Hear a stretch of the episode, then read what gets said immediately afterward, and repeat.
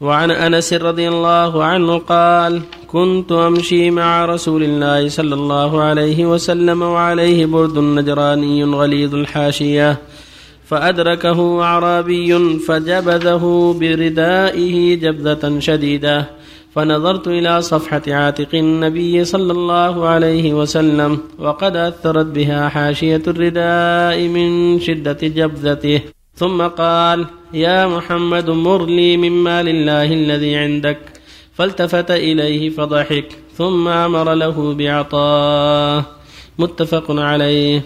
وعن ابن مسعود رضي الله عنه قال كأني أنظر إلى رسول الله صلى الله عليه وسلم يحكي نبيا من الأنبياء صلوات الله وسلامه عليهم ضربه قومه فأدموه. وهو يمسح الدم عن وجهه ويقول اللهم اغفر لقومي فإنهم لا يعلمون. متفق عليه.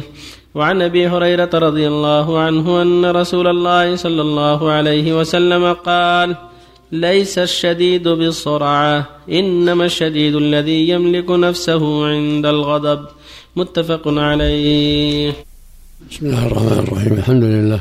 وصلى الله وسلم على رسول الله وعلى آله وأصحابه. ومن اهتدى بهود أما بعد فهذه الأحاديث الثلاثة تدل على فضل الحلم والصفح والعفو ولا سيما من أولي الفضل ومن العلماء والدعاة إلى الله لأن هذا من أسباب هداية البشر. الصفح والعفو والإرادة للجاهلين والحلم من أسباب توفيق الله للعبد ومن أسباب رضا الله عنه ومن أسباب هداية الآخرين على يديه. كما قال الله جل وعلا خذ العفو وأمر بالعرف وأعرض عن الجاهلين.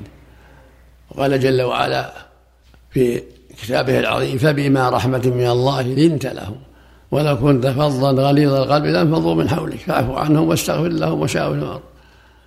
في هذا أنه كان يمشي عليه الصلاة والسلام فجاء اعرابي فجذب رداءه جذبة شديدة حتى أثر في عنقه وقال يا محمد مغر لي من مال الله الذي عندك. فالتفت إليه النبي صلى الله عليه وسلم وضحك وأمر له بإعطاء وصفح عنه ولم يؤاخذه لجهله. وكان لشخص عليه دين فأغلظ عليه. فهم به بعض الصحابة فقال صلى الله عليه وسلم دعوه فإن لصاحب الحق مقالة.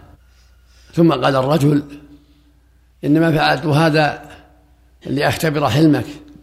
فإن الأنبياء لا يزيدهم الجهل عليهم إلا حلما فأراد بهذا أن يعرف خلقه صلى الله عليه وسلم لما أغلظ في طلب الحق فقال له النبي صلى الله عليه وسلم دعوه فقال الرجل إنما فعلت هذا لأن الأنبياء لا يزيدهم الجهل عليهم إلا حلما وصبرا. فهذا فيه الحث على الحلم والصبر وعدم العجلة في العقوبة. تأسم بالنبي عليه الصلاة والسلام ويقول صلى الله عليه وسلم ليس الشديد بالسرعة إنما الشديد الذي يملك نفسه عند الغضب. كذلك كان بين أصحابه ذات يوم فيحكي لهم خبر نبي من الأنبياء ضربه قومه فأدموه فهو يمسح الدم عن وجهه ويقول اللهم اغفر لقومي فإنهم لا يعلمون. هذه أخلاق الأنبياء الصبر والحلم يرجون بذلك الهداية لقومهم. يضربونه حتى أدموه ويقول اللهم اغفر لقومي فإنهم لا يعلمون. إن حملهم على الضرب والأذى حملهم الجهل فطلب لهم الهداية والمغفرة بالهداية. هذا يفيد أنه ينبغي لطالب العلم والدعاة إلى الله التأسي بالأنبياء في الحلم عند الدعوة والصبر وعدم الغلظة وعدم الانتقام. عائشة رضي الله كما تقدم ما كان ينتقم نفسه عليه الصلاة والسلام بل كان يعفو ويصفح. إلا إذا انتهكت محارم الله فإنه ينتقم لله والله يقول وأن تعفو أقرب للتقوى ويقول جل وعلا فمن وأصلح فأجره على الله ومن صفات المتقين والكاظمين الغيظ والعافين عن الناس وفق الله الجميع. العفو من باب الندب من باب الوجوب؟ لا من باب الندب ولا ليس يطلب حقه ينتقم إذا رأى مصلحة. أحسن الله عملك. نعم. رجل يعمل خارج مدينة الرياض وهو يسافر يوميا آه، مسافة 80 كيلو ويصلي هو جماعة من زملائه. في العمل هناك يصلون الظهر والعصر. جماعة. مسافرون في البلد, في البلد اللي يسافرون إليها مسافرون. نعم لكنه يعود إلى الرياض قبل صلاة العصر. قبل صلاة العصر. العصر نعم. نعم لا بأس يس- جمعوا المسافر إذا جمع ثم قدم البلد قبل وقت الثاني لا حرج عليه. والمسافة 80 كيلو. وهكذا لو جمع في المغرب ثم قدم في وقت العشاء لا حرج نعم. لكن 80 هي الحد الأدنى. نعم نعم. المسافر إذا سافر في يومه ورجع ما له القصر يا شيخ. إذا كانت المسافة سفر نعم 8 كيلو فأكثر نعم. هذه امرأة الله يحسن إليك تريد أداء الزكاة في بلد خارج الرياض. ولا بد من إيصال الزكاة هذه من مال. فتقول هل يجوز لي أن أجعل من الزكاة من هذه المال أم لا؟ ها؟ قيمة التحويل. قيمة التحويل تقول الله 40 يسلم اللي سلم للمحولين. يعني الزكاة ما تودى إلا بفلوس. لا لا. اللي اللي أعطاها المحول لا. هذه أجرة.